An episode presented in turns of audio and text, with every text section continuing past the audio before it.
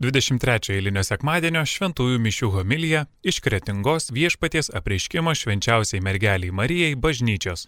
Homilija sako brolis pranciškonas kunigas Rolandas Taučius. Antroje laidos dalyje girdėsite popiežiaus pranciškaus katechezę apie krikščionišką viltį, kurią skaito seminaristas Saulis Skomantas. visokias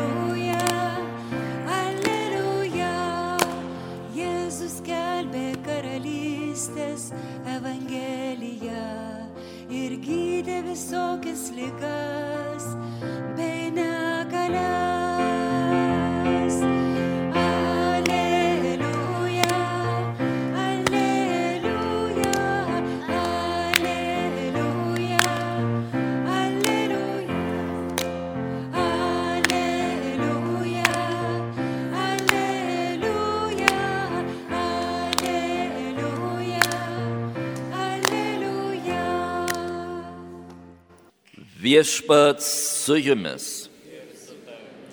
Pasiklausykite Šventojios Evangelijos pagal Morkų.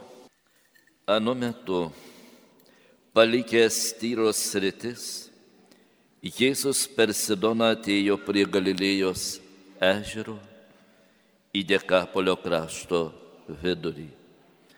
Ten atveda jam kurčią nebelį ir prašo uždėti ant jo ranką. Jis pasivedėjo jį nuo šaliau nuo minios, įleido savo pirštus į ausis, palėtė seilėmis jo liežuvį, pažvelgė į dangų, atsiduso ir tarė jam, Efata, tai yra atsiverk ir tuo jau atsivėrė jo klausa, atsirišo liežuvio ryšys ir jis kalbėjo kaip reikia. Jėzus jiems liepė niekam šito nepasakoti, bet kuo labiau jis jiems draudė, tuo jie plačiau jį skelbė. Žmonės be galo stebėjosi ir kalbėjo, jis visą gerai padarė. Jis daro, kad kurtieji girdi ir nebiliai kalba. Girdėjote viešpaties žodį. Mėly brangus broliai seserys, klausydamės šio nuostabaus sekmadienio Dievo žodį, ypatingai Evangelija mus iš tiesų labai paliečia ir pažvelkime truputėlį kitų kampų į šios dienos Evangeliją. Krikšto sakramento peigose kunigas seilėmis patepa kūdikio ausis ir šnerbės, tardamas efatą, atsiver. Tai būdavo seniau ir aišku ir šiandien yra išlikusi šita peiga. Krikšto metu kunigas būtent paliečia vaiko ausis. Ir aišku, šio simbolinio gestų kilmė aprašoma ir šio sekmadienio Evangelijos ištraukoje. Ką mes matome? Ten atveda jam kurčią nebelį ir prašo uždėti ant jo ranką. Jis pasivedėjo jį nuo šaliau nuo minios, įdėjo savo pirštus į ausis, palėtė seilėmis jo liežuvėm, pažvelgė į dangų atsiduso ir tarė jam, Efata, tai yra atsivers. Ir to jau atsivėrė jo klausa, atsirišo liežuvio ryšys ir jis kalbėjo kaip reikia. Pažvelgdami šitą Evangelijos vietą, kai žiūrime į šiandieninę situaciją mūsų visuomenėje, Mūsų mikrobų, galima sakyti, gyvename fobijų kupinais laikais. Toks Jėzaus veiksmas atrodo mažų mažiausiai keistas ir nehigieniškas. Šiandien mes to nesuprastume. Jėzau, ką tu čia darai? Nu, šitaip seilėtis, prisiliesti, nu netinka. Tačiau, brangiai, kas įdomiausiai viešpats veikė tuo metu aplinkoje ir jos išgydymo sampratoje. Ir pirmiausiai rūpėjo žmogus, o ne blogusios ir gerosios bakterijos, kaip šiandien mus gazdina, kad reikia bijoti bakterijos. O kur žmogus? Kur yra meilė žmogui? Ką ir Evangelija mums parodo visai kitokių kampų.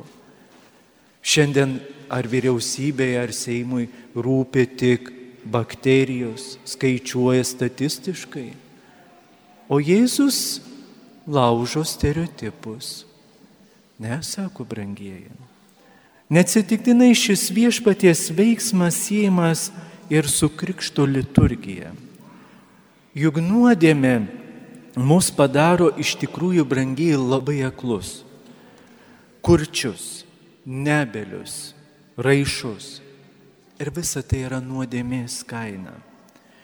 Tik išganytojas mūsų išgydo savo malonę ir padaro mus naujais žmonėmis. Taip įsipildo pranašo Izaijo žodžiai, kuriuos girdėjome pirmajame skaitinyje. Tuomet atsimerks akliesiems akis, atsivers kurtiesiems ausis. Raišasis pašauks tartum melnis ir nebeliui atsiriš liežuvis. Bažnyčia ir toliau tęsia viešpaties misiją vesdama mus jį visus dvasiškai kurčius ir nebelius. Pasaulis, brangiai ir piktoji dvasia visada stengiasi įtikinti, kad nėra aklas, o kurčias nėra kurčias. Tai tik alternatyvos gyvenimo būdas, kurį reikia priimti ir gerbti. Šiandien žmonės transformuoja, kas buvo nuodėme laikoma, žmonės nebelaiko, kad tai yra nuodėme Visuomenė yra puoselima, brangiai, žiūrėkit, koks tai gražus dalykas. Meilė laisvai, bet tai klausykit, kur ta meilė laisvą veda? Į paleistuvystę.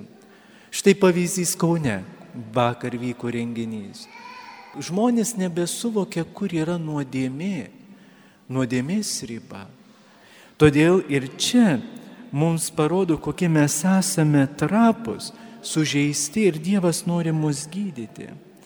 O geriausias būtų persijimti tuos dabar naujus dalykus, čia viskas gražu, pasaulis puošia, Europa sako, liuks, super gražu, tačiau tai tik tai yra noras brangiai, kad tas, kuris serga, iš tiesų nebūtų išgelbėtas. Meilė visada eina su tiesa. Va čia ir mums labai svarbu suvokti patiems giliai, o išgydymas su nuodėmis pripažinimu. Išgydymas tik su nuodėmis pripažinimu. Suvokiu ir aš pats būdamas nusidėjėlis. Tikrai turiu daug ko atsiprašyti, ne visada ir pavyks ir man pačiam pritrūksa kantrybės. Bet aš tai suvokiu savo asmeninę nuodėmę jos nuodėmės kainą. Ta mes esame kviečiami, kad, kad Dievas nori, kad pažvelgtume giliau, kad nepaviršutiniškai praplaukti. Viešpats tą pabrėžė priekaištaudamas fariziejams, kaip jisai sako, jei būtumėte akli, neturėtumėt nuodėmės, bet štai jūs sakote, mes nekli, taigi jūs kalti. Jono Evangelijoje mes tą matom. Tik pripažindami, jog mums reikia išgydymo, mes galime tapti sveikais. Tad nebijokime prisipažįsti. Nebijokime sakyti viešpatie, pasigailėk manęs nusidėjėliu. Štai visai neseniai su viena šeima diskutavau Ir manęs paklausė, sako, kaip formuoti sąžinę. Aš atsimenu dar studijuodamas prieš tai, prieš ateidamas į ordiną, telšių seminarijoje dvasios tėvas mus seminaristus mokė dienos metu visą laiką prieš viešpaties angelą staptilti, pažvelgti į savo sąžinį ir vakare, eidamas miegoti lovelį, krisdamas, vėlgi šauktis viešpatie, pasigailėk. Labai svarbu tą įpraskim kiekvieną vakarą prieš miegą peržvelgti savo sąžinės, kokia ta diena buvo. Ir tai suvokdam, kad mums reikia išgydymo. Tik tokiu būdu mes tapsime sveiki iš visų lygų. Ta tikrai nuoširdžiai jums sakau. Tas labai padės ir pagelbės. Todėl nebijokite ir nebijokime liudyti tiesą, bet su meile. Čia yra pamatas. Krikščioniška moralės principas remiasi tiesa ir meilė eina kartu, kai popiežius emeritas Benediktas savo enciklikoje rašo caritas in veritatis apie tiesą ir meilę. Negalime išbraukti tiesą, atskirti nuo meilės. Kaip sako, nu va, šitą žmogų kaimyną aš nemyliu, nekenčiu, klausykit. Bet, o paskui, žinau, čia gal myliu, nemyliu. Ne, eina kartu.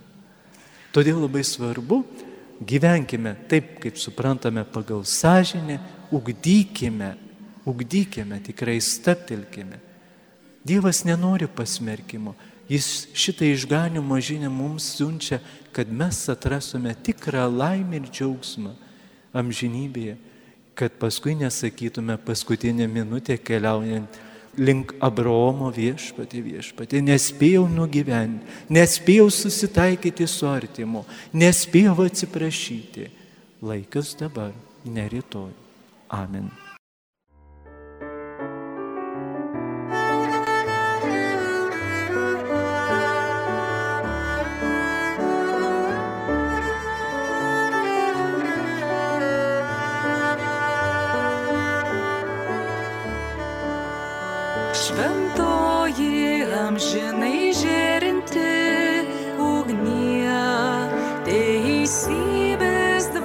Šventoji amžinai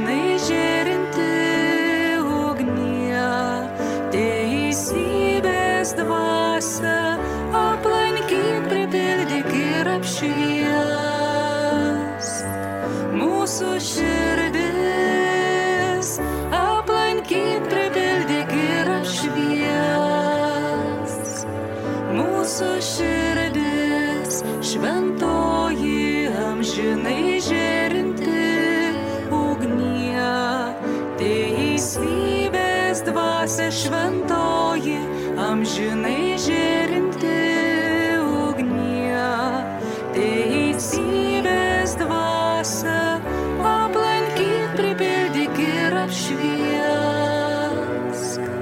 mūsų širdis, aplankyk, pripildyk ir apšvies. Mūsų širdis, šventoji, amžinai žėrinti ugnie, teisybės dvasia šventoji, amžinai žėrinti ugnie, teisybės dvasia aplankyk, pripildyk ir apšvies. Mūsų širdis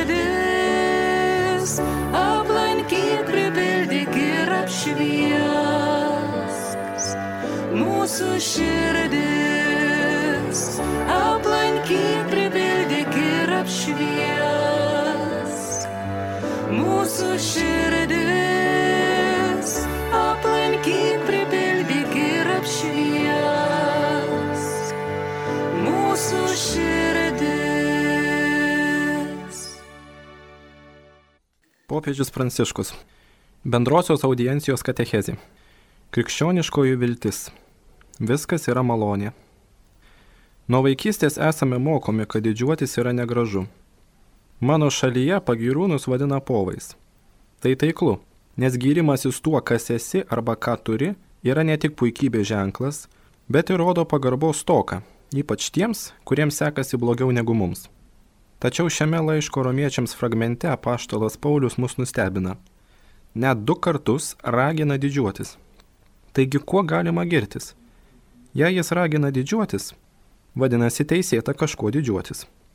Kaip galima tai daryti neįžeidžiant kitų, nieko neišskiriant? Pirmojų atveju esame kviečiami didžiuotis malonės apstumu, apimančiu mus Jėzuje Kristuje per tikėjimą. Paulius nori, kad mes suprastume, jog išmokiai viską žvelgti šventosios dvasios šviesoje, pažinsime, kad viskas yra malonė. Viskas yra dovana. Gerai įsimaščius pasirodo, kad istorijoje, taip pat mūsų gyvenime, veikiame ne tiek mes, bet visų pirma Dievas. Jis yra absoliučiai svarbiausias veikėjas, kuriantis viską kaip malonės dovana, audžiantis savo išganimo planą ir įgyvendinantis jį dėl mūsų per savo sūnų Jėzų. Iš mūsų reikalaujame, kad mes visą tai pripažintume, su dėkingumu priimtume ir tai laikytume gyriaus ir didžiulio džiaugsmo pagrindu. Jeigu tai darome, gyvename ramybėje su Dievu ir patiriame laisvę.